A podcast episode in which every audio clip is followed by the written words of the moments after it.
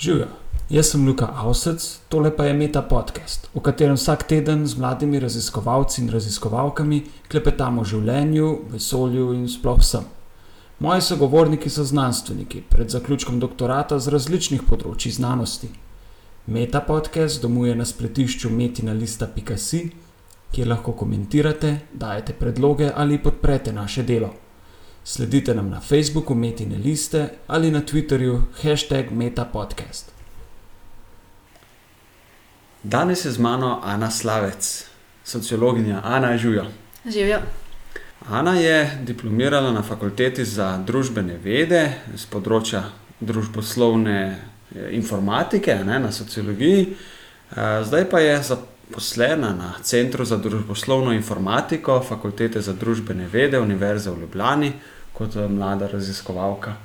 Ali nam lahko za začetek malo poveš, kdo ste na Centru za družboslovno informatiko in kaj počnete? Uh, ja, mi smo uh, dokaj mlad center na FDV-ju, ukvarjamo se z različnimi temami. V, v spredju je ta anketna metodologija, področje, s katerim se tudi jaz sama ukvarjam. Drugače se pa moji sodelavci ukvarjajo tudi s področjem raziskovanja interneta, informacijske družbe, uh, imamo tudi center za varnejši internet in tako dalje. Koliko eh, sodelavcev je približno na tem centru? Ne vem, tako na pamet bi rekla 15. Dobro, Uh, to je številka, ki se malo spremenja, gre kdo na porodniško, pa pride kdo nov in tako dalje.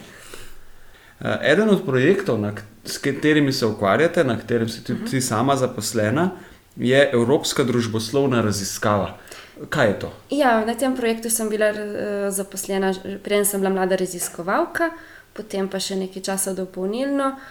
To je um, raziskava, ki se že od leta 2002 izvaja v več evropskih državah, med njimi tudi Slovenija. Izvaja se vsake dve leti. Vzorec v vsaki državi je približno tisoč enot, nekaterih tudi več, nekaj, nekaterih manj. O čem pa vprašuje ta anketa? Um, ži- ljudi sprašuje o njihovih stališčih, vrednotah, mnenjih o različnih zadevah. Vsako, do- določene vprašanja se pojavljajo vsako leto, recimo vem, zaupanje v parlament, zaupanje v druge državne inštitucije, zaupanje v družbo na splošno, kako se počutijo varni, kako so zadovoljni z življenjem. Potem so pa določeni moduli, ki moduli, ki se ponovijo, sam, uh, ki se ki rotirajo, ki se spremenjajo. Ne vem, spomnim se, da je bil enkrat modul, ki je spraševal o družinskem življenju, odnosih moški in ženska, potem je bila enkrat, vem, zdravstvene teme. Um, to, to rotira in se spremenja. To se pravi, v Sloveniji se anketira približno tisoč eh, oseb, in vaša naloga je potem te podatke kaj pregledati, Ja, to v Sloveniji izvaja Center za raziskovanje javnega mnenja in množičnih komunikacij, tudi na FDV-ju. Mi pa pri tem sodelujemo samo potem na koncu, ko so podatki že zbrani, jih utežujemo. Otežujete, kaj to pomeni. Ja. Uh, to je zdaj tak izraz um, v, metodolo v metodologiji v statistiki, to pomeni, da um, podatkom pripišemo um, neki enoti v bazi, pripišemo neko vrednost, ki da tej enoti večjo ali manjšo težo. Naprimer, v neki anketi um, pač ljudje recimo, ne odgovarjajo, niso v to anketo zajeti, recimo odgovarja manj moških kot žensk, potem je pa treba to anketo utežiti, da bo. Da, bo pač, da, bo, da bojo imeli moški v- v anketi večjo težo, da bojo potem na koncu rezultati izenačeni s tem, kakšna je situacija na populaciji. Porabimo potem podatke popisa ali pa kakšne druge boljše ankete, kot ta, ki jo izvajamo. Se pravi, to ima vezo najbrž s to reprezentativnostjo vzorca, ne? koliko nek vzorec dejansko ustreza populaciji, iz katerega jemljemo. Uh, ja, ja, tako. V bistvu zdaj postajajo različni načini vzorčenja, se pa to počne samo, kadar je vzorčenje slučajno. Danes, danes je zdaj vedno bolj popularno to neslučajno vzorčenje. Uh, pri neki priložnostni vzorci, tam v bistvu to uteževanje je drugačno. Uh, mi se ukvarjamo s tem uteževanjem slučajnih anket, ker s tem skušamo zagotoviti, ja, da je vzorec reprezentativen in uh, da odraža pač za te demografske spremljivke razmerja tudi kakšno kot, je- eh, takšno, kot je v populaciji. Posvetiva se zdaj malo tvojemu doktoratu. Tvoja tema je izboljševanje ubeseditve anketnih vprašanj z jezikovnimi viri. Ja, eh, drži. Eh, To se pravi, nisi samo eh, statističarka, ampak si tudi malega umetnika. Ja, odvisno, zdaj, v bistvu, odvisno kaj, kaj bomo rekli o oblikovanju anketnih vprašanj. ne. Um, ni čisto jasno, ali je to zdaj neka umetnost ali je to znanost. Mi nekako se seveda zauzemamo to, za to, da je to znanost in da, bi se, da je treba anketno vprašanje obesediti.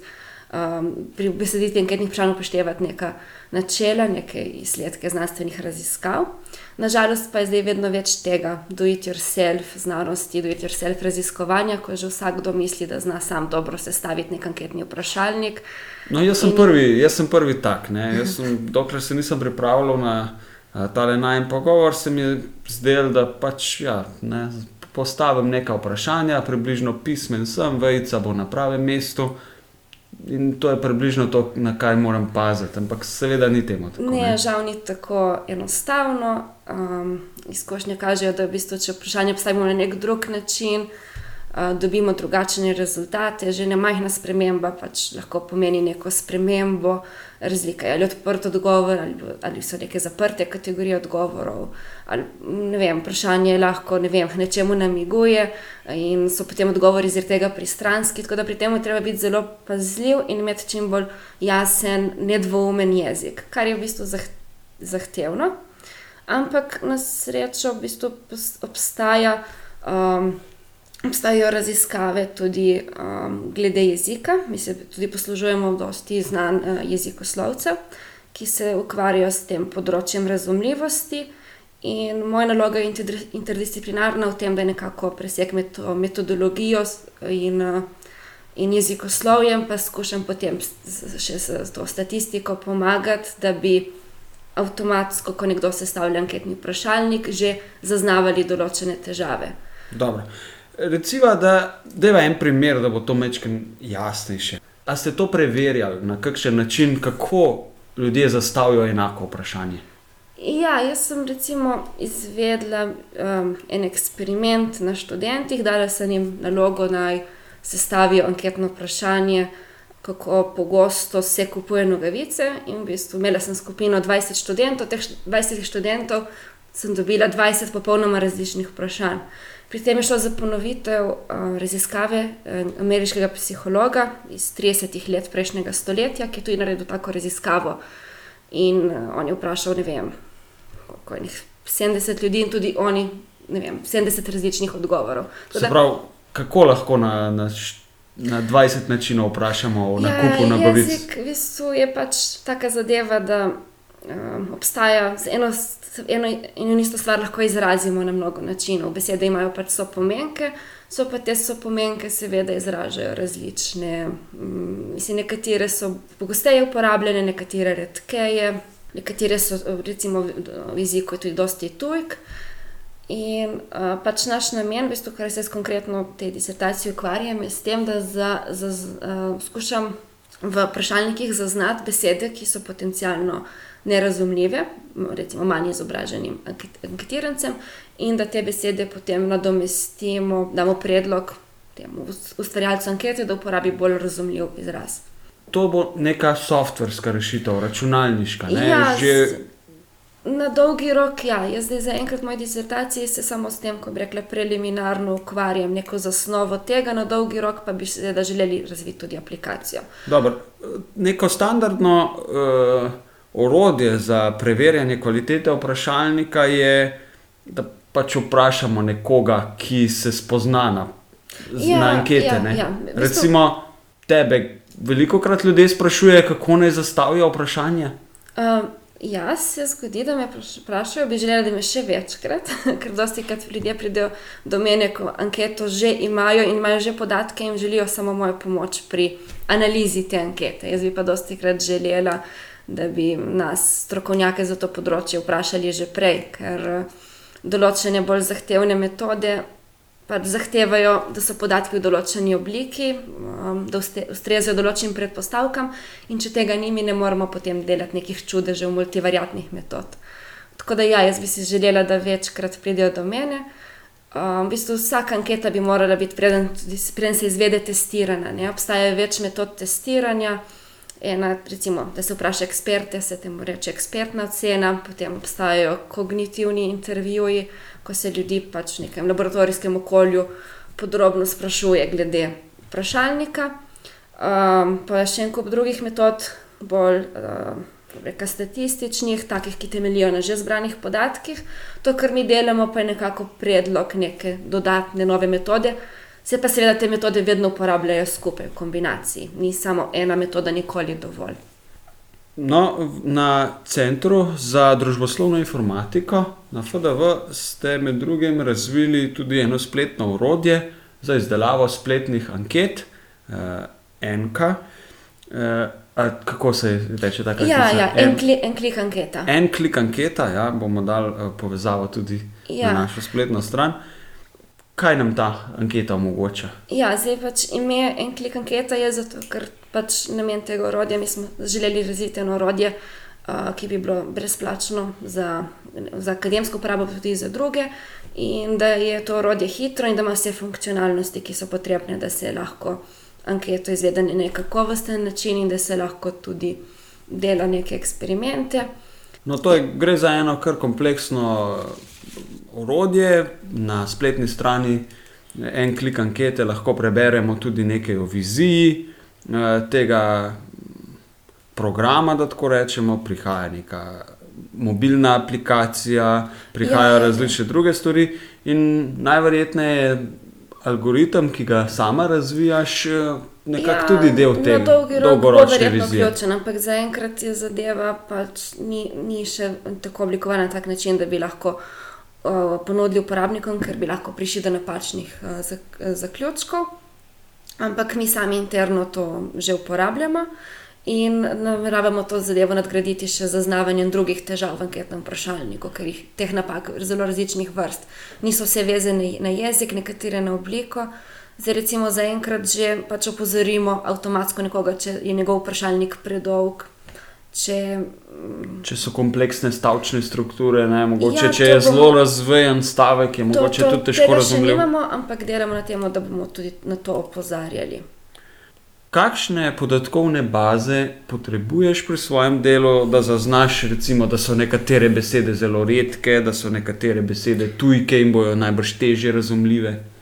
Ja, jaz si tukaj zdaj pomagam, na srečo že obstaja v angleščini tega veliko, pa tudi v slovenščini imamo uh, jezikovne korpuse ki so jih razvili kolegi. Zdaj bi omenila, pač, pač, da imam kakšno vprašanje na, na tem področju, se vedno obrnem na dr. Simona Kreka, Zavod Trojina, delno zaposlen na FDV, delno na inštitutu Jožef Štefan, ki svetu, nam svetuje glede tega. Potem je tu na FDV-ju Nataša Logar, ki se ukvarja s korpusi. Um, na filozofski fakulteti Darja Fischer, zato, ona je za to slovensko bazo sinonimov, leksikalno bazo sinonimov, uh, Slovnet. Pa omenila bi tudi, da nasploh v bistvu v našem imamo pač RRS projekt, kjer sodelujemo z inštitutom Jožef Štefan, pa mi tukaj kolegica Mojca Mikac, ki, dela, ki je zaposlena na inštitutu, pomaga pri, pri razvoju te aplikacije ki bo razvita na podlagi tega, kar jaz ugotovim v tej svoji disertaciji. Jaz sama v svoji disertaciji pa zaenkrat delam pač eksperimente, da primerjam, um, ali imajo te uporaba različnih besed, ali ima kakšne učinke. No, pri svojem doktorskem delu katerega mentor tukaj na fakulteti za družbene vede je Vasja Vehova. Ja. Imáš tudi enega somentorja? Ja, moj somentor je dr. John Krosnik iz Stanford University. V jedru tudi tvojega raziskovalnega dela je eksperiment. Za, zamislila si si zanimiv eksperiment, ki je vključeval slovenske in tuje študente. E, nam lahko poveš kaj o tem? Uh, ja, jaz sem izvedla um, s kolegico dr. dr. Ano Bojinovič Fenko. Sva že predlani izvedli anketo na uh, študentih na mednarodni izmenjavi, slovenskih in tujih. Potem pa sem jaz to anketo lani ponovila in sem naredila eksperiment z deljenim vzorcem. To je metoda, ki jo uporabljamo, kadar želimo primerjati nek učinek, neke spremembe v vprašalniku. In v mojem primeru je bila sprememba vprašalnika ta, da je bil en vprašalnik kompleksen, en vprašalnik pa je bil dober, izboljšana verzija. To se pravi, zastavila si enaka vprašanja, vendar so nekateri študenti dobili ta vprašanja napisana na nek teže razumljiv način. Ja, ja, pri nekaterih smo recimo uporabljali več, več tujk, pri nekaterih pa smo namesto teh tujk uporabljali slovenske izraze na podlagi teh o, ocen, na podlagi korpusa. Študenti so bili tako slovenski študenti, ne, ki ste jih spraševali v, v slovenskem ja. jeziku, kot tudi tuji študenti, ki prihajajo v Ja, Slovenijo. ja, ja. Njih pa ste seveda anketirali v angleščini. Ja, te, tuje študente smo v angleščini, slovenske v slovenščini. Se pravi, dva jezika in dva, dva nivoja, recimo, kvalitete vprašalnika. Tako, ja, tako Kakšni so so bile bili štiri, zaključki? štiri skupine. Ja, zdaj vzorec je bil premajhen, da bi prišla do nekih uh, stvari, ki bi jih lahko posplošila. Koliko ampak, oseb je sodelovalo? Uh, 200 v slovenski, približno 200 v angliški. Tako da v bistvu vsako polovico potem dobilo 100 oseb. Um, in se je pokazalo, recimo, stopnja ta dropout rate, torej stopnja, koliko, koliko ljudi izpade iz ankete. Um, Se pravi, da ne zaključijo, ker jih Ja. ne interesira več. Ja, pač ljudi, ki so prekinili anketo, je bilo več v tej kompleksni verziji. Se pravi, z orodji, ki jih ti sama razvijaš, se da izboljšati eh, anketne vprašalnike do te stopne, da bodo ljudje dejansko ustrajali do konca ankete Ja, zdaj to rešili. preliminarna anketa to nakazuje, da ja, in, ampak nameravamo zadevo še ponoviti na, drug, na primerih drugih vprašalnikov, ker je bil tudi to precej specifičen primer, ker je tu študentska populacija, mogoče bolj, izob, bolj izobražena populacija, na splošni populaciji bi mogoče lahko bil učinek še večji. Je pa seveda odvisno tudi od vprašalnika. Recimo naslednja anketa, ki jo načrtujem, bo na raziskavi Wage Indicator. Um, to je anketa, ki ljudi sprašuje o plačah in o delovnih pogojih v različnih državah po svetu. In mi bomo na njihovi angliški in slovenski verziji te ankete um, izvajali podoben eksperiment. Dejva za konec eh, pogledati še ta splošna vprašanja, ki jih vprašamo vsakega eh, intervjuvanca, zato da te še malo osebno spoznamo. Vedno začnem s tem, katere znane ali pa nam neznane osebe bi povabila k sebi na večerjo, če ne bi bilo nobenih omejitev. A k sebi na večerjo to pomeni, da bi jaz morala kuhati. A Lahko tudi pico na večer, to vedno rečem. Ja, to ne, ne kompliciraj s takimi ja. banalnostmi. Ja. Zdaj ne vem, no, nimam, ko bi rekla, um, zdaj pač um, nekih takih oseb. Ne vem, to je bilo precej stresno, nekoga, neko osebo, zelo znano povabiti. Um, zdaj te ljudi z mojega področja, moje kolege bi z veseljem povabila katere, ampak da bi zdaj kakšno znano osebo, da bi prišla na misel. Mogoče pomislim zdaj trenutno Slavo Žižek, ampak po drugi strani, lahko pomenem anegdoto, sem ga ravno. Pr- Sem ga, sre, sem ga enkrat v v eni uh, indijski restavraciji v Ljubljani, bila na kosilu, pa je bil on tam, pa ravno sva bila nekako blizu tem, ker je bil nek ne, solatni ali nekaj. Pa sem tako razmišljala, ali bi ga ogovorila ali ne bi, ne, ker pač rada preberem kakšno njegovo stvar, pa si nekako nisem upala, sem ga raje pustila na miru, tako da si pa tudi ne predstavljam, da bi z eno tako osebnost povabila k sebi domov. Tudi, sploh pa ne bi pice ponudila, bi verjetno, če bi že bi potem mogoče kakšen suši prej naročila. Če bi podedovala 15 hektarov zemlje, kaj bi naredila z njo? Zdaj tako instinktivno mi pride, pač bi rekla, kar prodala bi, nočem imeti nič s tem. Po drugi strani pa mislim, da bi bili moji starši kar veseli. Moj oče se ukvarja s kmetijstvom, ima vinograde, oljke, tako da jaz bi to kar njemu prepustila, naj on naredi iz tega nekaj. Sama se čist dobro počutiš za računalnikom. Ja, ja, meni to zaenkrat bolj ustreza. Mogoče bom tudi jaz na stara leta, ker enkrat reka, jaz bi se pa zdaj ukvarjala s temi našimi oljkami. Ampak zaenkrat nimam te želje. No. Ti je lažje izbrati eh, najljubše živo bitje ali najljubše umetniško delo, pa naj bo likovno, literarno, glasbeno, kakršno koli. Mm, ja, ne vem, oboje je težko. Um, ne vem, pri umetnem delu, bi, umetniškem delu bi sigurno izbrala nekaj iz um, tega obdobja moderne, oziroma bolj natančno tega nadrealizma. Všeč mi je ta španski slikar Joan Miro ali pa Dali. Mogoče bi kaj takega zbrala med živalmi, pa ne vem, so mi simpatične sove. A, Dali je bolj slone risal, ne? Tiste na dolgih nogah. Ne? No, ampak meni so všeč sove, pa lisice. Sova na dolgih nogah, sam razmišljam. Kje se vidiš čez pet let, kaj boš počela čez 40 let? Hm. Čez pet let, um, čez pet let, ne vem, mm, nekako upam, da ne bom več, mislim, po eni strani, zaenkrat bi še bila zaposlena nekaj časa na FDV, da ta doktorat končam, ampak čez pet let upam, da bom pač bi si želela nekaj novega poskusiti, neko drugo službo ali v Sloveniji ali tujini. Nekako mm, se mi zdi, da najboljše funkcioniram, če bi bila ne vem, nekako na svojem, mogoče neko svoje podjetje, ker ne vem, nekako zdaj kot mlada raziskovalka nimam tega urnika od 8 do 4 in bi se zelo težko navadila na tak način delati. Tako da mi ustreza, tako da bi bila bolj ne vem, nek freelancer še naprej. Statistika je pa tak, tako splošno uporabna veščina, ne? tako da to bi s pridom lahko uporabljali Ja, tudi ja. za različne probleme. Ja, zaradi tega me tudi v bistvu zaradi tega ne, ne, ne skrbi tako zelo ta prihodnost. Ko me pa vsi sprašujejo, kaj boš po doktoratu, kaj boš po doktoratu, jaz skušam biti optimistična. Čez 40 let? Uf, čez 40 let, ne vem, potem mogoče bi se pa takrat vrnila v akademske vode. Pa bila. ne vem, ne vem, koliko bom takrat stara, 70. ne vem, upam, da se ne bom še upokojila, upam, da bom imela še dosti energije in da bom lahko še kakšne zanimive stvari počela. to je No, še daleč. Nam lahko priporočiš kakšno zanimivo knjigo, film, spletno stran? Uh, film in kup filmov, zelo rada imam filme, zelo, zelo rada gledam filme, predvsem imam rada kakšne bolj evropske filme, ameriških ne toliko. Čeprav, če bi zdaj pomislila na zadnje, med filmi, ki sem jih na zadnje gledala, kateri mi je bil najbolj všeč, bi bil to ravno ameriški film Foxcatcher. Spletna stran? Spletna stran, um, spletna stran bi bila pa, hm, seveda, ja, mislim, da bi bil to kar uh, blog, udomačena statistika, ki ga uh, ustvarjamo po diplomski študentje statistike. Aha, eh, deva sem tole. eh, Podiplomski študenti statistike, to je Ja, to Medfakultetni je medfakultetni študij, sodelujemo FDV, ekonomska fakulteta, m, biotehniška, a, matematika, medicinska, pač več fakultet skupaj ima ta doktor študij, ponovem pa tudi magistrski študij statistike. in vi pišete ta blog. Ja, kolikor nam čas dopušča, nimamo ga ravno veliko, ampak nekako se trudimo, da bi.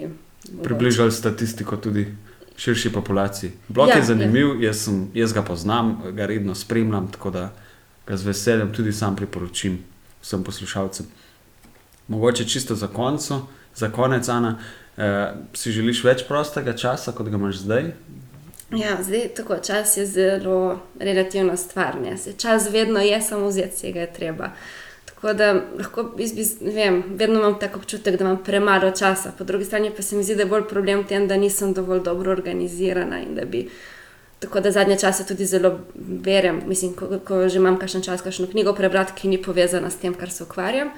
Ravno zdaj v zadnjem času berem eno knjigo, kako so razni ustvarjalci, umetniki, pisatelji, kako so v bistvu kakšne dnevne rutine imajo, kako je potekal njihov dan, pa se skušam iz tega kaj koristnega naučiti.